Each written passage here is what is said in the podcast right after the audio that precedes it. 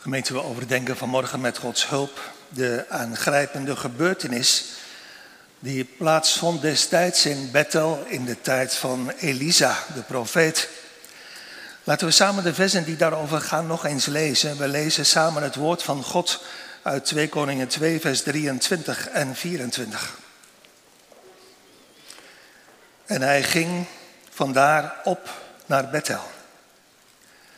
Als hij nu de weg opging, zo kwamen kleine jongens uit de stad die bespotten hem en zeiden tot hem, Kaalkop, ga op, Kaalkop, ga op. En hij keerde zich achterom en hij zag ze en vloekte hen in de naam des Heren. Toen kwamen twee beren uit het woud en verscheurden van dezelfde 42 kinderen. Tot zover het woord des Heren. Maar gemeente, laten we voordat we deze versen met elkaar overdenken, eerst even kort nagaan wat hier vlak voor gebeurd is. Dat helpt ons, dat zult u zien, om dit drama van Bethel straks beter te begrijpen. 2 Koningen 2 is een hoofdstuk vol van wonderen. Elia is met vurige wagen en vurige paarden naar de hemel gevaren. En het gerucht daarover is in de wijde omtrek verspreid, want er is zowel Elisa, dat geen goed idee vond, nog naar Elia gezocht door een groep van vijftig mannen, maar Elia is niet gevonden en dus hij is echt naar de hemel gegaan. Elisa heeft gekregen wat hij gevraagd had. De geest des Heren rust sinds de hemelvaart van Elia op Elisa. Hij scheurde zijn eigen klederen als teken van rouw, maar hij kreeg de profetenmantel van Elia daarvoor in de plaats. Als teken dat hij vanaf nu de door God aangestelde opvolger van Elia is geworden. En dan ineens is er een indringende herinnering aan vroeger. Aan Gods grote daden in het verleden. Israël ging met droge voeten door de Jordaan het land Canaan binnen. Zo staat in Jozua 3. En nu slaat Elisa het water van de Jordaan met de mantel van Elia. En weer gaat het water weg. Hij slaat naar links, hij slaat naar rechts. En nu loopt ook hij over de droge bodem van de rivier naar de overkant. God is in al die jaren dezelfde gebleven. God doet ook nu nog duizend wonderen. De profeet Jeremia zegt, geen ding, o Heer, is voor u te wonderlijk. Het is een tijd dus waarin God spreekt met indrukwekkende wonderen. Eenmaal over de Jordaan in Jericho ontmoet Elisa een groep profetenzonen, vers 15, die zich eerbiedig voor hem neerbuigen. Maar we hebben het gelezen, in Jericho is een probleem. Trouwens, jongens en meisjes, wat was er ook alweer met die stad Jericho? Nou, toen Israël vroeger, daar had ik het net over, door de Jordaan trok, toen zijn de muren van Jericho gevallen. En nooit mocht die stad weer opgebouwd worden. Want op de puinhopen van Jericho rustte de vloek van de Heer. Jozua bezwoer het volk in Jozua 6. Vervloekt zij die man voor het aangezicht van de Heer, die zich opmaken en deze stad Jericho bouwen zal. Dat hij ze grondvestte op zijn eerstgeboren zoon en haar poorten stellen op zijn jongste zoon. Met andere woorden, wie deze stad Jericho wel weer opbouwt, het zal hem twee zonen kosten. Zijn oudste zoon en zijn jongste zoon. Nooit mocht die stad meer herbouwd worden. Maar in de donkere dagen van koning Agab was er een man die dat uiteindelijk toch wel deed. Hiel, zo heette die man. Hij bouwde de muren van de stad Jericho weer op. Maar God hield zijn woord. De vloek van de Heere trof zijn twee zonen, Abiram en Segub. Zij stierven, staat er in 1 Koningen 16. Naar, en dan komt er een uitdrukking die als een echo doorklinkt door 1 Koningen 1 en 1 Koningen 2. Zij stierven, staat er, naar het woord des Heren. Want God liet en laat nog steeds geen woord van Hem op de aarde vallen. Maar nu staat de stad Jericho weer als een huis. Maar er is wel één probleem. Het water in Jericho is dodelijk. Er staat in vers 19, kijk maar. De woning van deze stad is goed. Je kan hier echt prima wonen. Maar het water is kwaad en het land is onvruchtbaar. Eigenlijk staat er in de grondtekst: het water veroorzaakt sterfte. Miskramen bij moeders, misdrachten bij het vee en het land is onvruchtbaar.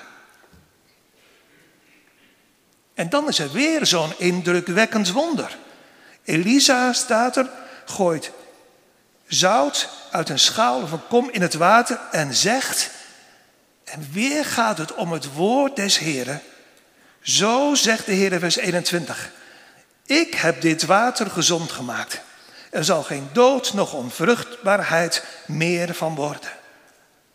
Dus, Jericho, de stad waar eeuwenlang de vloek op rustte, krijgt van God zichtbare genade. De stad van de vloek wordt een stad van zegen. Het is dus een tijd, zo zei ik, van wonderen. Van merkbare en zichtbare zegen van God. Zoals er geliefde gemeenten ook nu tijden kunnen zijn. Waarin de Heer zichtbaar, merkbaar dichtbij is. En werkt in mensenharten. Tijden waarin God zo duidelijk zijn genade geeft aan mensen die dat van zichzelf niet verdiend hebben. Aan mensen zoals de mensen uit de stad Jericho. Tijden waarin mensen bekeerd worden. Tijden waarin Gods kinderen meer van de Heer mogen leren. Tijden waarin de Heer merkbaar zijn liefde en genade drupt in het midden van de gemeente. En het gerucht van Elisa, het gerucht van het woord des Heren gaat Elisa vooruit ook naar Bethel. Bethel, huis van God, dat betekent het letterlijk. Bethel, je hebt altijd al jarenlang het kalf gediend, het gouden kalf van Jerobiam, maar het is nu genadetijd. Er drupt milde regen van de hemel. Roep de Heere aan Bethel terwijl hij nabij is. Bethel hoort het. Bethel weet ervan. Bethel kent in zekere zin de God van Israël. Maar Bethel, huis Gods, blijft hangen aan de ongerechtigheid, aan het dienen van het gouden kalf van Jerobiam, inmiddels al tachtig jaar lang. Ondanks al deze wonderen. Ondanks ook het wonder dat korte tijd geleden gebeurde op de berg Karmel. Vuur uit de hemel verteerde het altaar des Heren. 450 Baalpriesters werden gedood en iedereen moest wel roepen, de Heere is God, de Heere is God. Ja, maar sindsdien is er in Bethel niets veranderd. Toch zal God ook nu in Bethel en ook nu bij ons laten zien wie er God is. Gemeente, als we met deze achtergrondinformatie in gedachten onze tekst wat beter gaan bekijken, dan zijn er een paar dingen. Kijkt u maar met me mee die opvallen. We zien in vers 23 als eerste een bewuste confrontatie. Als er staat, en hij, Elisa, ging vandaar op naar Bethel. Als er nu de weg opging, zo kwamen kleine jongens uit de stad die bespotten hem en zeiden tot hem, Kaalkop, ga op, Kaalkop, ga op. Een bewuste confrontatie. In vers 24 zien we als tweede een laatste waarschuwing als we lezen. En hij, Elisa, keerde zich achterom en zag ze. Daarna volgt ook in vers 24 als derde een ernstige straf. Want we lezen, en hij vloekte hen in de naam des Heren. Toen kwamen twee beren of berinnen uit het woud en verscheurden van dezelfde 42 kinderen. Dat zijn de drie aandachtspunten van de preek en daarna zullen we alles overzien nog afsluiten met een vierde punt, een overduidelijke roepstem. Thema voor de preek van vanmorgen is Elisa en de jeugd van Bethel. Vier punten dus, een bewuste confrontatie, een laatste waarschuwing, een ernstige straf en een overduidelijke roepstem.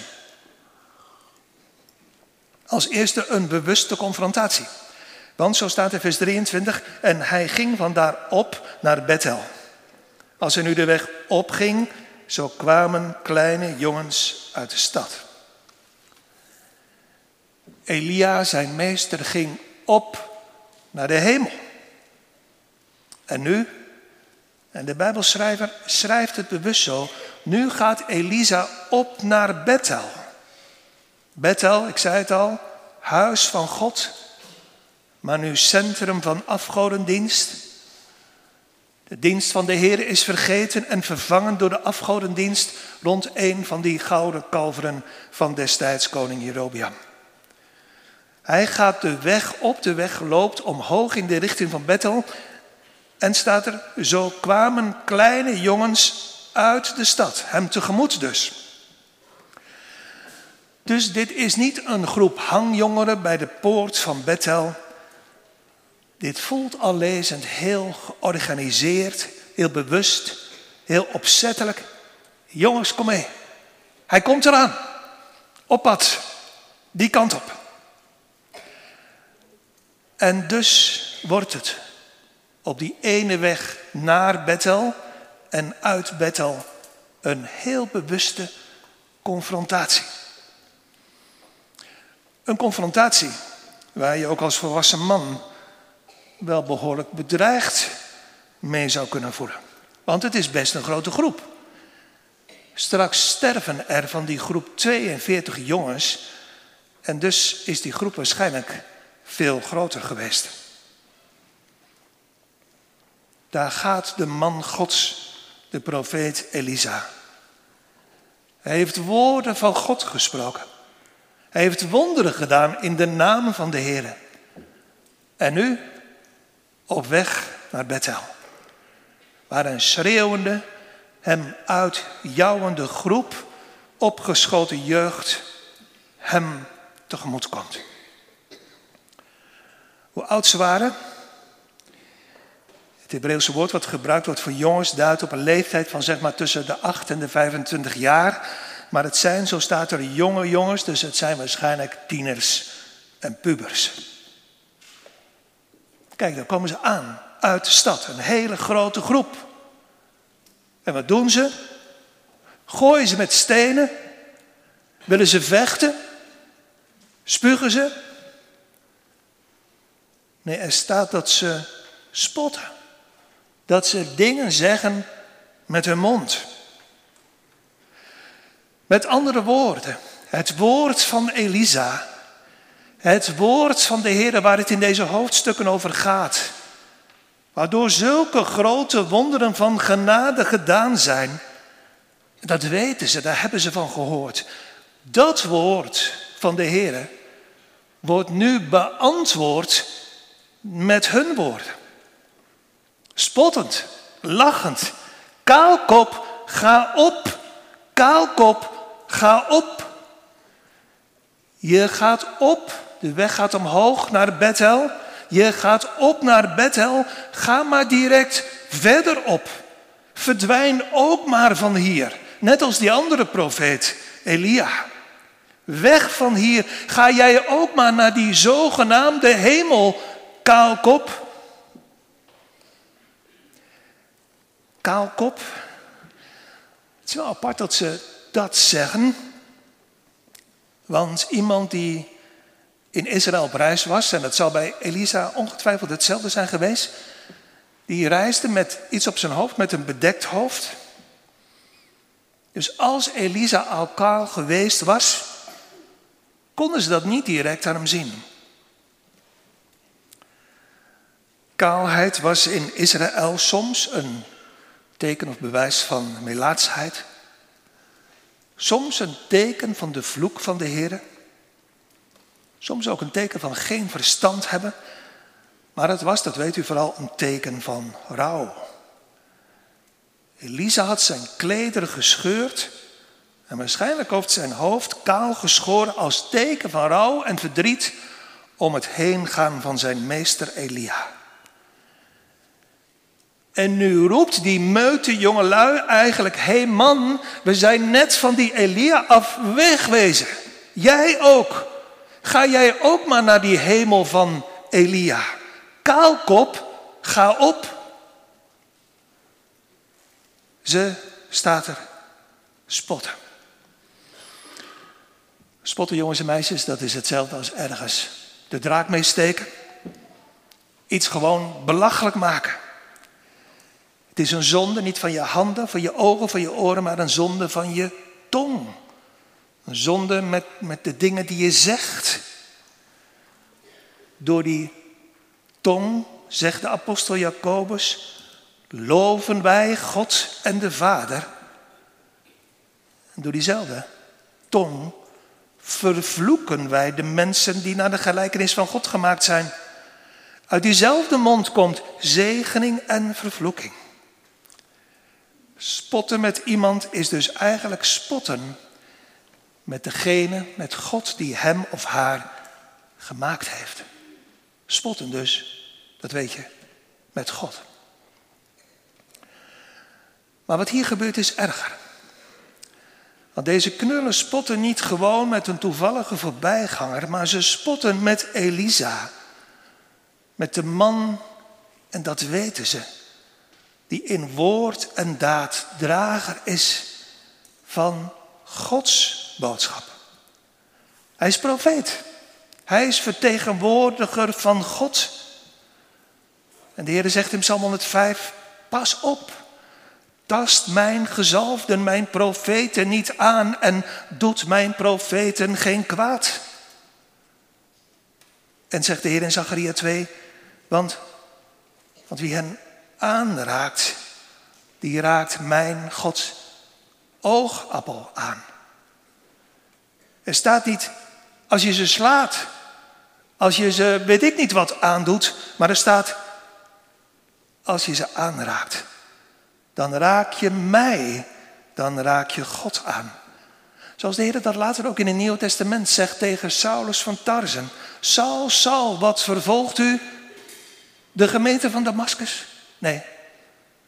Wat vervolgt u mij? Zo zegt de Heer Jezus ook in Lucas 10. Wie u hoort, die hoort mij. En wie u verwerpt, die verwerpt mij. En wie mij verwerpt, die verwerpt degene die mij gezonden heeft. Wie Gods knechten belachelijk maakt, raakt God aan. En zo schrijft Paulus waarschuwend, God laat zich niet bespotten. En dat blijft. Een grote groep jongeren komt uit Bethel in de richting van Elisa. Spottend, hem belachelijk makend. Kaalkop, ga op. dat kwam natuurlijk, dat zult u begrijpen, echt niet rechtstreeks uit deze jonge jongens alleen. Dat kwam ongetwijfeld en vooral van thuis. Aan de keukentafel thuis werden de schouders opgehaald. En werd gelachen om, om die oude Elia en om die nieuwe Elisa. Ze hebben gehoord zonder twijfel van de tekenen en wonderen die in de naam van de Heer gedaan zijn. Ze hebben gehoord zonder twijfel van Gods machtige daden. En ze weten van de onverdiende genade voor de zondaars van Jericho. Maar toch spotten ze met deze Elisa, met deze dienaar van het evangelie. Ja, vooral met het woord van God zelf. In plaats van dat ze roepen, man van God, Elisa, hoe zullen ook wij zalig worden? Hoe zullen ook wij verlost worden van de toekomende toren? Vertel ons alsjeblieft, Elisa, hoe zullen wij ook in diezelfde hemel komen? Maar nee, hard en lachend wijzen ze Gods genade af. En onverschillig halen ze hun schouders op. Laat die man toch, die is gewoon niet wijs. En dus gaan de kinderen op pad. Elisa tegemoet met scheldwoorden en spot. Ouders, en daar hoor ik zelf ook bij, wees gewaarschuwd. Wat je zaait, zul je ook maaien.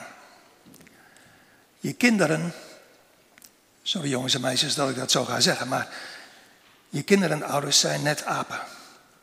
Ze doen je in alles na. Spot jezelf, dan zullen zij ook gaan spotten. Lach jezelf.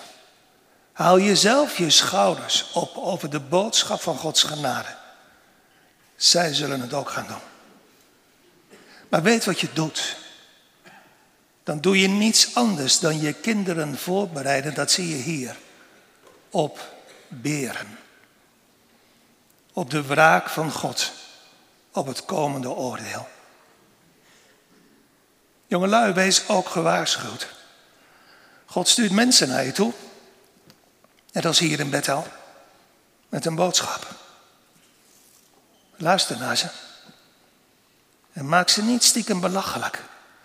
En doe in de kerk, als je Gods boodschap hoort, tijdens de leesdienst of nu, niet je oren dicht. Want dan doe je niet anders dan jezelf voorbereiden op beren. Op de wraak van God, op het komende oordeel. Maar gelukkig, God straft niet direct. Hij is geduldig. Diezelfde Jacobus die praat over de zonde van de tong zegt, God is traag, langzaam, tot toren. En de Heer zegt er door de mond van Ezekiel, ik heb geen lust in de dood van de stervenden, spreekt de Heere, Heere. Daarom bekeert u en leeft. En dus komt er nog een laatste waarschuwing. Ons tweede punt. Een laatste waarschuwing. Zoals ook nu vanmorgen het woord van de Heer klinkt. Misschien wel als een laatste waarschuwing voor u of voor jou. Liefdevol en hartelijk. Gij slechten, hoe lang zult u de slechtigheid beminnen? En de spotters voor zich de spotternij begeren en de zotten wetenschap haat. Keert u, bekeert u, keert u tot mijn bestraffing, zegt de Heer. Zit, ik zal mijn geest u lieden overvloedig uitstorten. Ik zal mijn woorden u bekend maken. Elisa handelt zeker niet impulsief. Hij roept geen vuur van de hemel. Hoewel hier ernstig gespot wordt met de naam van de Heer, met zijn grote daden, en, en met de boodschap van zijn genade. En toch, desondanks, zijn er nog twee laatste waarschuwingen. Zoals die er vanmorgen ook zijn. Voor spotters thuis aan de keukentafel. In gezelschap bij de koffie of bij de thee. Aan de praat op straat. Of op het kerkplein na de dienst of waar dan ook. Lieflijke, liefdevolle, ernstige waarschuwingen. Zoals ik zei, keert u tot mijn bestraffing. Wend u naar mij toe, zegt God, en wordt behouden, o al gij einden van de aarde, ook in Capelle. Want ik ben God en niemand anders. We lezen in vers 24. En hij keerde zich achterom en hij zag ze. Twee waarschuwingen dus. Elisa draait zich om. Dit is geen getergde, haatdragende man. Hij roept geen vuur van de hemel. Maar hij draait zich om. Hij draait zichzelf naar hen toe. En, tweede waarschuwing, hij kijkt ze aan. Zonder twijfel, indringend, waarschuwend, met heilig vuur in zijn ogen. Spot niet met mijn God. Lach zijn boodschap niet weg. En ga niet door met het dienen van dat gouden kalf van koning Jerobeam, maar keer terug tot de God van jullie vaders, tot de God van Israël. Zoals de meerdere Elisa, Jezus Christus, wiens hoofdhaar uitgetrokken werd, op wiens hoofd een doornenkroon gedrukt werd. U en jou ook nu indringend en vol van innerlijke bewogenheid en ontferming aankijkt en zegt, verlaat nou de slechtigheid en leef. En neem dat andere spoor door Gods genade, treed in de weg des verstands. Zeg eens eerlijk, wat doet u? Wat doen jullie jongelui? Als je ook vanmorgen in de preek zo aangekeken wordt. Voor de meeste spotters toen en nu gold en geld. Dat staat in Spreuken 9. Hun haat groeit er alleen maar groter van. En hun spot wordt alleen maar meer. Maar dat neemt niet weg dat de Heer ook nu juist vanmorgen een boodschap heeft, een hartelijke en liefdevolle boodschap heeft voor spotters hier in de kerk. Voor verachters van zijn woorden en inzettingen, vroom of goddeloos. Want in beide groepen wemelt het van de spotters. Ondanks ons nette uiterlijk wemelt het van de spotters in die beide groepen. Die indringende, aangrijpende, waarschuwende, maar zo liefdevolle woorden. Met een schampere lach of met een vrome schouderophaal terzijde schuiven. Lieve mensen, verlaat de slechtigheid en leef. Denk terug aan de vloek over Jericho. God nam die weg en gaf levend water. Zo is diezelfde God die niet veranderd is vanmorgen ook bereid om de vloek over uw Bethel weg te nemen en te veranderen in zegen. Maar helaas, wilt u niet? Gaat u door op die, diezelfde weg? De goddeloze, zegt de Heer, verlaten zijn weg. En de ongerechtige man of vrouw zijn of haar gedachten. En hij bekeerde zich tot de Heer. Zo zal hij zich zijner ontfermen. En tot onze God, want dat ziet u, dat is gebeurd in Jericho. Tot onze God, want hij vergeeft menigvuldiglijk. Zelfs voor spottende mensen. Op de weg van Bethel is genade te verkrijgen. Keert u tot mijn bestraffing. Wend u naar mij toe, zegt God, en wordt behouden. Om hem, die meerdere Elisa, die hangend te midden van spot en schaamte, ook geen vuur van de hemel afriep, maar indringend waarschuwde. En Jezus zich tot haar, dochters van Jeruzalem, tot haar kerende, ziet u dezelfde beweging voor u, zich tot haar kerende zei, u dochters van Jeruzalem, weet niet over mij, maar huil, weent over uzelf en over uw kinderen. Hij bad te midden van alle spot en schaamte, zelfs voor zijn vijanden. Toen hij zei, Vader, vergeef het hun. Want ze weten niet wat ze doen. Zo, geliefde gemeente, klinkt ook het woord van de Heer u tegemoet vanmorgen. Lopend op de weg van Bethel, staand voor de meerdere Elisa, de zoon van God. Kust de zoon, opdat hij niet toorne en u op de weg vergaat wanneer zijn toren maar een weinig zou ontbranden. Want God is in zijn vlekkeloze heiligheid barmhartig en genadig voor zondaars. Maar hij is ook een verterend vuur. En dus onze derde gedachte, een ernstige straf. We lezen in vers 24, en hij vloekte hen in de naam des Heren. Toen kwamen twee beren uit het woud en verscheurden van dezelfde 42 kinderen. Dus wat staat er? Hij, Elisa, barstte in woede uit. Nee, er staat hij vloekte hen.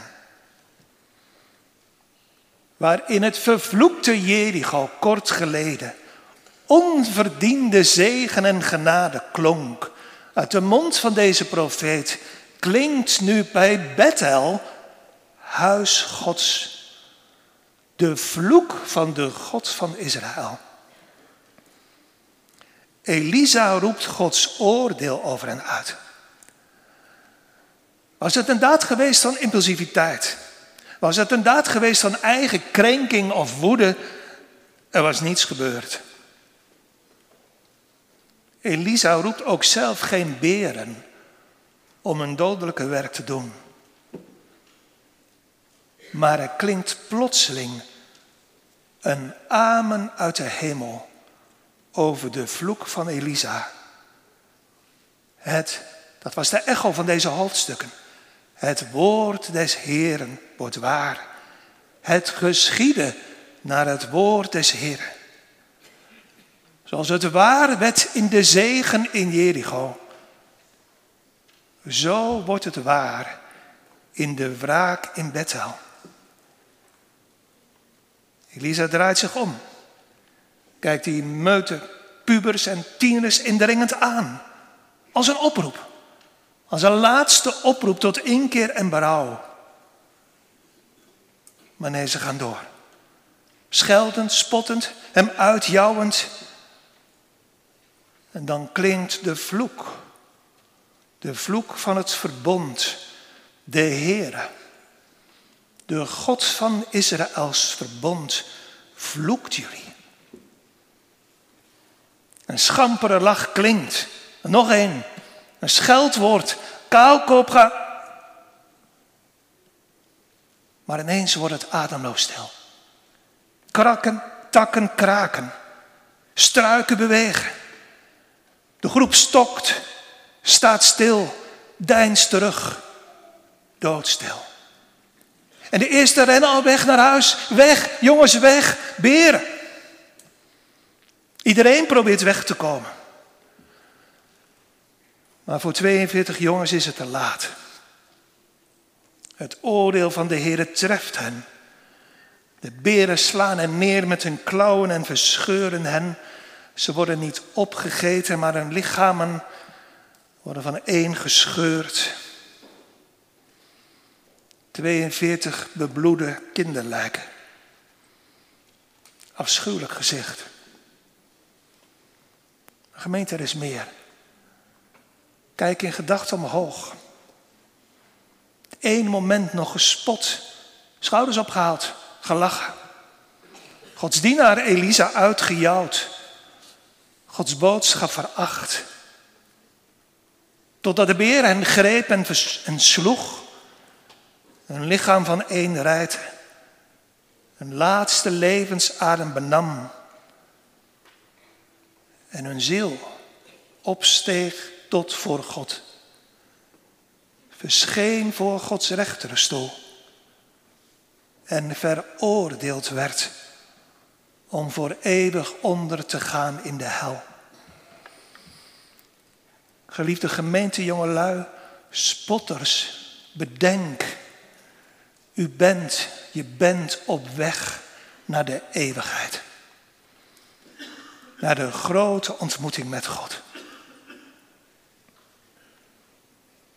In de vette rennen die andere jongens. Ze rennen voor hun leven, terug naar de stad, terug naar huis. Hijgend komen ze aan. Jongen, wat is er gebeurd? Mam, we zaten Elisa uit te jouwen. U, u, weet wel, die man van, van, de Israël, van Israëls God. En, en we lachten hem uit en, en we schreeuwden. Kaalkop, ga op. En, en hij keek nog één keer om. En mama, hij, hij keek ons indringend aan, maar, maar we wilden niet luisteren. En toen braken de beren los. Heel veel jongens zijn gepakt. Oh mama, oh papa, ik ben nog maar net aan de dood ontsnapt. Paniek breekt eruit in Bethel. Waar is mijn jongen? Komt hij niet meer terug? Is hij ook? Ja, hij is ook verscheurd, verloren. Zonder twijfel, we kunnen het ons voorstellen, is er hardgrondig gesnikt. Er zijn heel veel tranen gehaald van verdriet en gemis. Maar jongen, tranen zonder hoop. Want voor deze nakomelingen was er geen verwachting. Verdriet was er. Misschien ook wel, vast wel, woede, haat. Waarom, o God van Israël?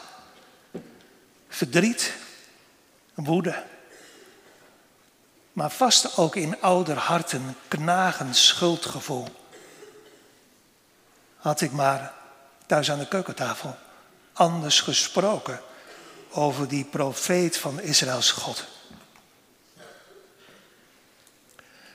Buiten de stad op de weg, bij de weg, staat Elisa. Wat een hartverscheurend moment moet het ook voor hem geweest zijn. Prediker van Gods genade, van vergeving en verzoening door het bloed van de offers heen wijzend naar het bloed van Christus. Maar nu ook prediker van de vloek, van Gods vloek, van het verderf, van toren en ondergang. 42 verscheurde lichamen van nog jonge jongens. 42 zielen van jonge jongens voor eeuwig omgekomen. We huiveren met hem. Ons vierde punt, een dringende aansporing. Deze aansporing, geliefde gemeente, lieve mensen, nu is het nog genadetijd.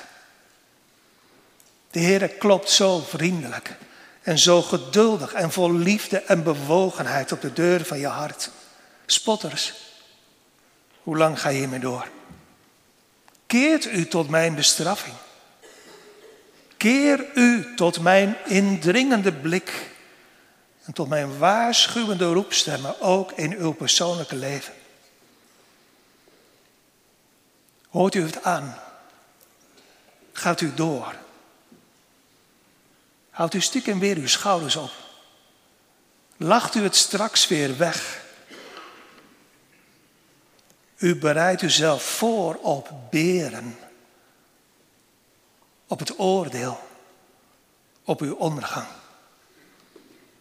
Het moment zal komen dat u, ook u getroffen zal worden door de toren en de wraak van de Almachtige God. Plotseling, net zo plotseling als hier, onverwachts zal daar uw einde zijn. Zoals Asaf zingt in Psalm 73. Immers zet u, Heer, hen op gladde, spiegelgladde plaatsen. U doet hen vallen in een ogenblik, plotseling in verwoestingen. Hoe worden ze als in een ogenblik tot verwoesting, nemen een einde, worden teniet van verschrikkingen, als een droom na het ontwaken. Als u opwaakt, o Heer, dan zult u hun beeld verachten. Als Bethels beren wakker worden, als God opwaakt. Zo vaak onbekeerde vrienden. En ik zeg het met de liefde van mijn hart. Maar God zegt het met al de liefde van zijn hart. Zo vaak hebt u zijn beeld veracht. Maar dan zal hij uw beeld verachten. Dan zal ik, zeggen de Heer, in uw verderf lachen. Moet je je voorstellen. God lacht om je verderf. Ik zal spotten wanneer uw vrees komt, wanneer uw vrezen komt gelijk een verwoesting en uw verderf aankomt als een wervelwind. Wanneer uw benauwdheid en angst overkomt. Zeg maar, gaat u door. Spottend, schouderophalend, negerend. Gaat u vanaf nu thuis aan de keukentafel? In gezelschap op de koffie, aan de praat op straat, op het kerkplein na de dienst of waar dan ook. Uw gesprekken en uw gedachten niet veranderen.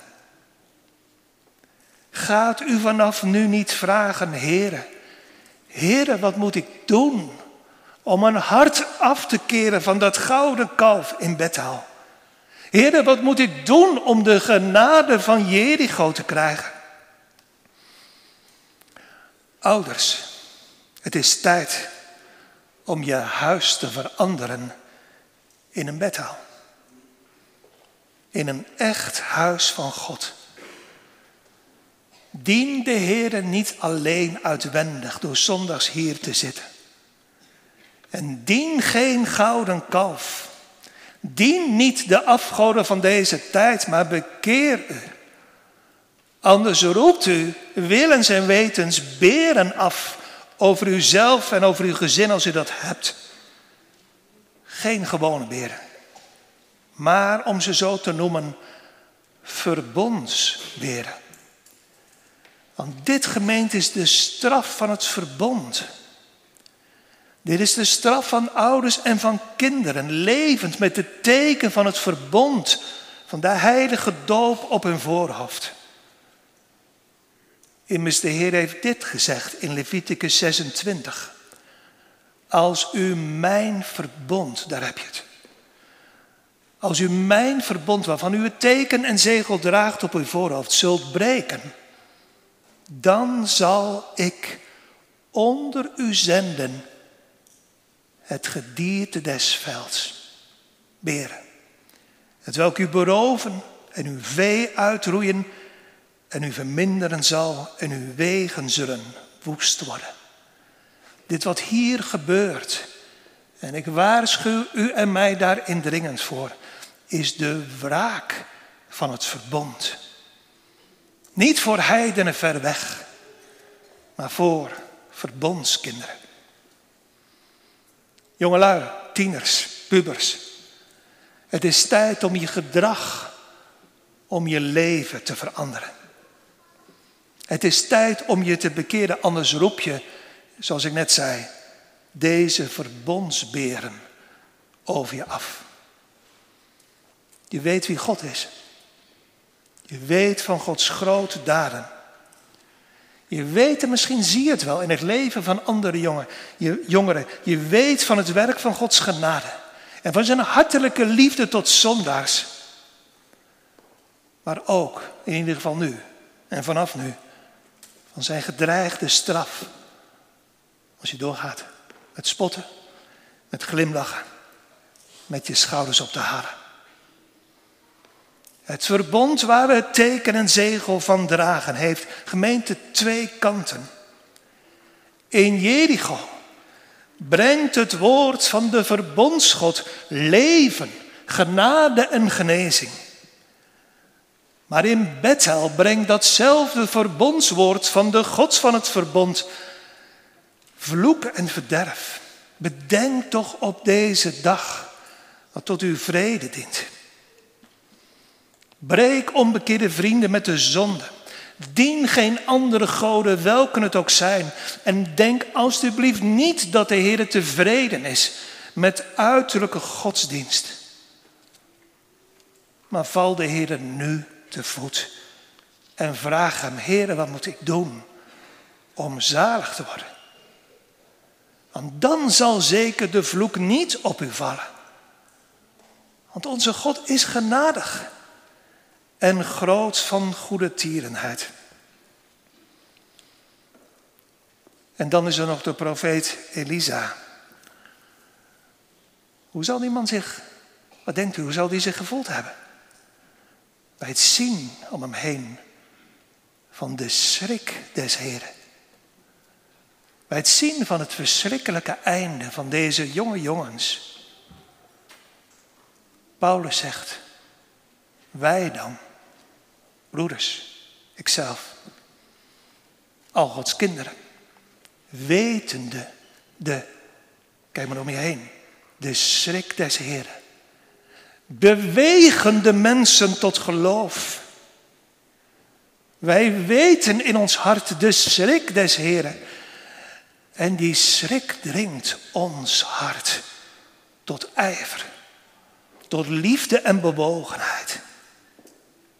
Met u, geliefde onbekeerde vrienden, zo zoals hier mag niemand van u verloren gaan. Zo zoals deze jongens.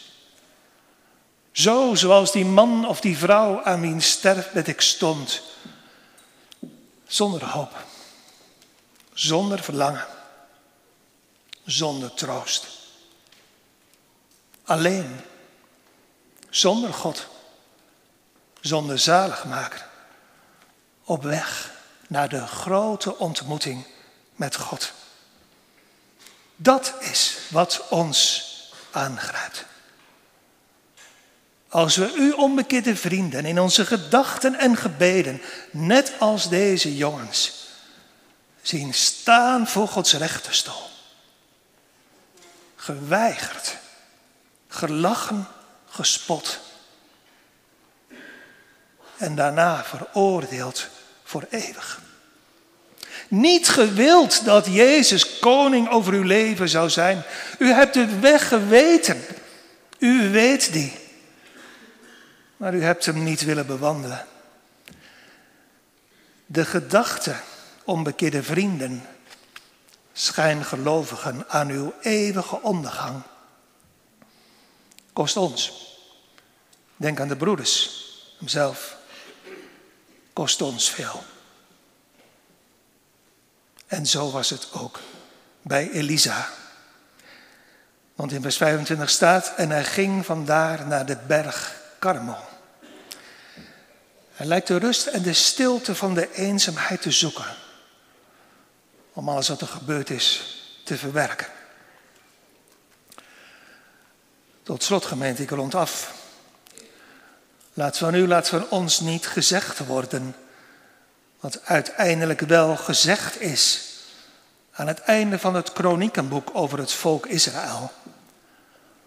Over het volk dat het teken van het verbond droeg. Dit staat er in 2 Kronieken 36. En de Heer, de God van het verbond, de God van hun vaderen, zond tot hen door de hand van zijn boden, vroeg op zijn, om die te zenden. Want hij verschoonde zijn volk en zijn woning, maar zij spotten met de boden Gods en verachten zijn Gods woorden. Zij verleiden zichzelf tegen zijn profeten. Totdat. Totdat de grimmigheid des Heren tegen verbondsbraak, tegen zijn volk opging. Dat er geen helen aan was. Want onze God is een verterend vuur. Buigt u dan voor Hem in het stof, voor Hem wiens naam is. Heere, Heere, God, barmhartig en genadig, langmoedig en groot van weldadigheid en waarheid. Buigt u dan in het stof en verheft met lof het heilig opperwezen. Wilt Hem en Hem alleen eeuwig vrezen. Amen.